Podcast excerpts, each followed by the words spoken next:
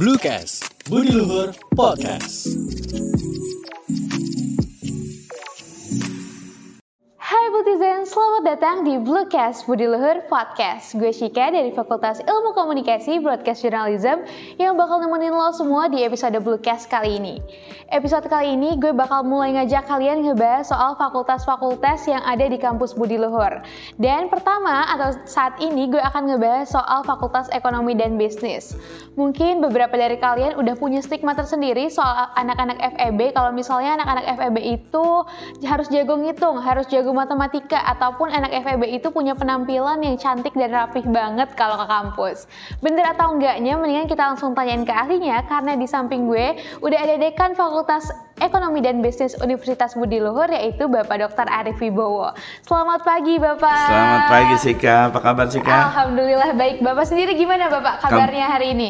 Kabar saya alhamdulillah baik dan semangat apalagi ini menjelang pergantian tahun Iya. ya. Kita song-song tahun yang baru dengan penuh semangat. Iya, walaupun udah menjelang hawa-hawa liburan, kita tetap pengen ngasih informasi yang penting nih untuk para calon-calon mahasiswa yang mungkin masih bingung cari passionnya di mana dan punya minat di Fakultas Ekonomi dan Bisnis. Oke. Mungkin Pak Arif bisa bantu saya ngeyakinin uh, Blutizen yang mau masuk FEB biar tambah yakin. Siap, ya Pak? Siap, pasti siap. Oke, kalau misalnya pertanyaannya dimulai dari FEB itu mempelajari soal apa aja sih Pak? Soalnya kan saya orang awam nih, anak Vkom misalnya, ataupun masih banyak juga yang belum tahu kalau FEB itu mempelajari soal apa aja. Oke, tentu saja setiap mahasiswa FEB atau Fakultas Ekonomi dan Bisnis itu mempelajari ilmu ekonomi dan bisnis. Kami membekali mereka dengan mata kuliah-mata kuliah ekonomi, mulai dari ekonomi mikro, ekonomi makro, pengantar bisnis, lalu bidang manajemen seperti sumber daya manusia, pemasaran dan keuangan. Nah, semua itu masih dilengkapi lagi dengan mata kuliah yang kompetensinya pendukung Sika, yaitu kewirausahaan serta mata kuliah yang berbasis teknologi dengan mata kuliah penekanan pada pemanfaatan TIK. Nah, berarti kalau ada stigma anak FEB itu harus jago ngitung dan matematika, itu akan benar atau salah Pak? Kalau mereka belajar hitung-hitungan, itu tentu saja itu akan dipelajari di Fakultas Ekonomi dan Bisnis.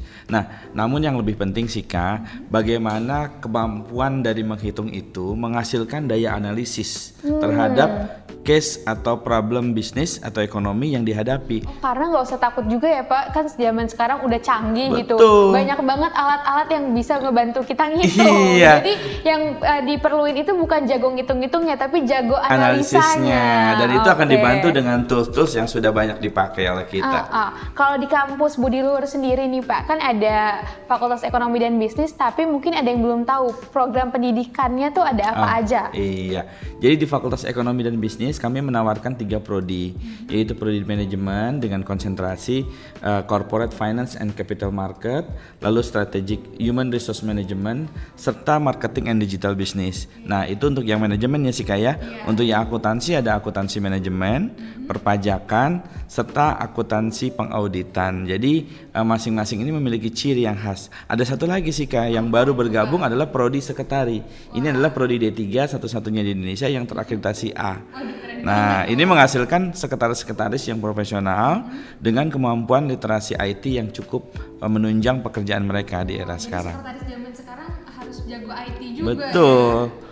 Oke, berarti tadi ada manajemen, ada akuntansi, dan ada Sekretari. sekretari. Iya. Kalau nggak salah nih Pak, ada kelas internasionalnya juga. Oh ya? iya, jadi kami merupakan satu-satunya fakultas yang menawarkan kelas internasional, yaitu International Business Management Studies. Nah, ini kami kolaborasi dengan perguruan tinggi di luar negeri dan mahasiswa kami di kelas internasional ini berkesempatan langsung berinteraksi dengan teman-teman di negara lain.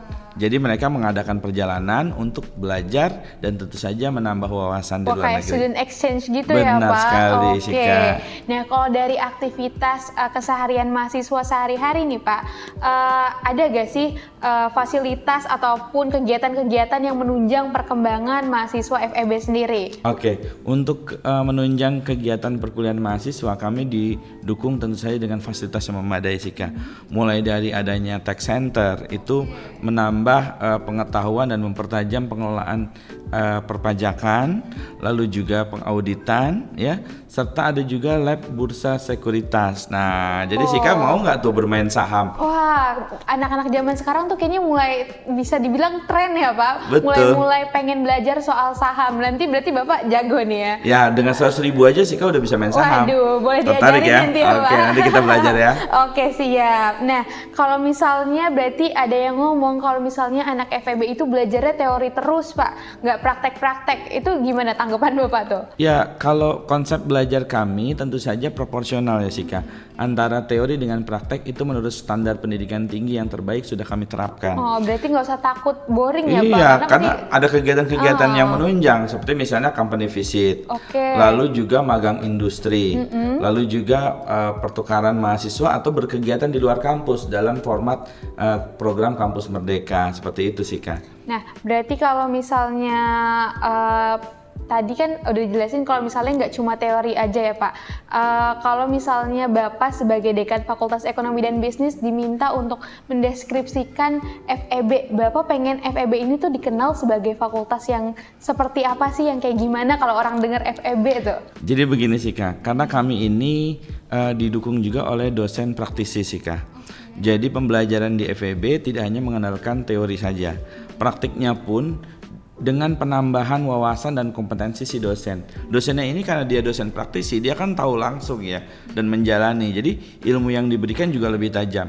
Dari kondisi itu kita memiliki image sebagai lulusan yang mudah mencari kerja, cepat Oh, mencari Jadi kerja. mahasiswa-mahasiswa yang ada di FEB ini uh, nggak cuma dapat teori, tapi karena dosen-dosennya aja dosen-dosen ada praktisi, praktisi, ya Pak. iya. Jadi kalau misalkan dia nanti bekerja itu kan lebih cepat serap pasar karena ada wawasan tambahannya itu. Oh, Ah, ah, dan lulusannya juga memiliki komitmen dan berkeinginan untuk maju belajar. Jadi kalau misalkan dia diterima bekerja, mereka tuh sanggup loh berkompetisi dengan lulusan perguruan tinggi negeri sih kak. Wah, karena uh, mungkin ada beberapa orang yang masih menganggap uh, lulusan swasta itu kurang bisa bersaing dengan Iya, perguruan padahal nggak begitu. Padahal salah ya Pak. Iya, tentunya. lulusan kami banyak sekali yang masuk per- eh, pegawai negeri juga banyak. semua tergantung atau dari melawan. tekad. Iya, berkompetisi dengan perguruan tinggi negeri lainnya. Hmm, Mungkin Bapak bisa makin meyakinkan para calon-calon mahasiswa ini dengan kasih tahu nih Pak, seberapa luas dan seberapa besar prospek kerja dari Fakultas Ekonomi dan Bisnis tuh ada apa aja? Ya, kalau untuk jurusan akuntansi prospek kerjanya sangat luas. Ada akuntan keuangan, auditor internal, juga ada akuntan manajemen. Belum lagi kalau dia menjadi ahli perpajakan. Perusahaan yang mau bangkrut aja sih Kak, itu Butuh. masih butuh tenaga untuk auditor dan Iya, butuh sebagainya. konsultan iya, juga nah betul. itu yang akuntansi ya. Untuk yang manajemen itu bisa berkarir di bidang financial planner, Hmm. marketing uh, planner, HR planner.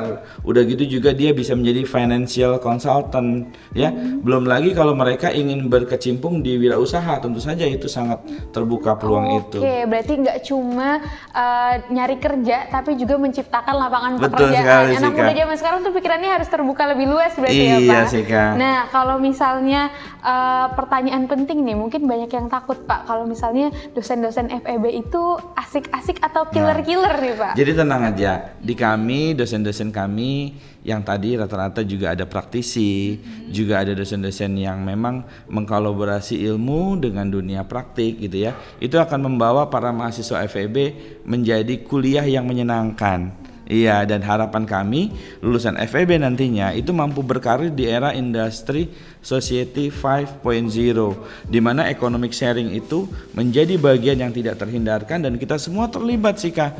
Kita bisa sebagai pemain kecil sampai yang raksasa itu akan terlibat dan menikmati keuntungan ekonomi dunia ini. Nah, berarti ekonomi itu ekonomi dan bisnis itu luas ya Pak Luas dan sekali. menyenangkan. Betul, Nah, Nika. kalau misalnya kalian Butizen yang pengen masuk ke FEB mungkin tadi udah jadi tambah yakin nih karena tahu prospek kerjanya yang luas, terus juga kegiatan pembelajaran yang Betul. seru, dosennya juga yang asik-asik nih kayak dekan termuda kita yang satu ini.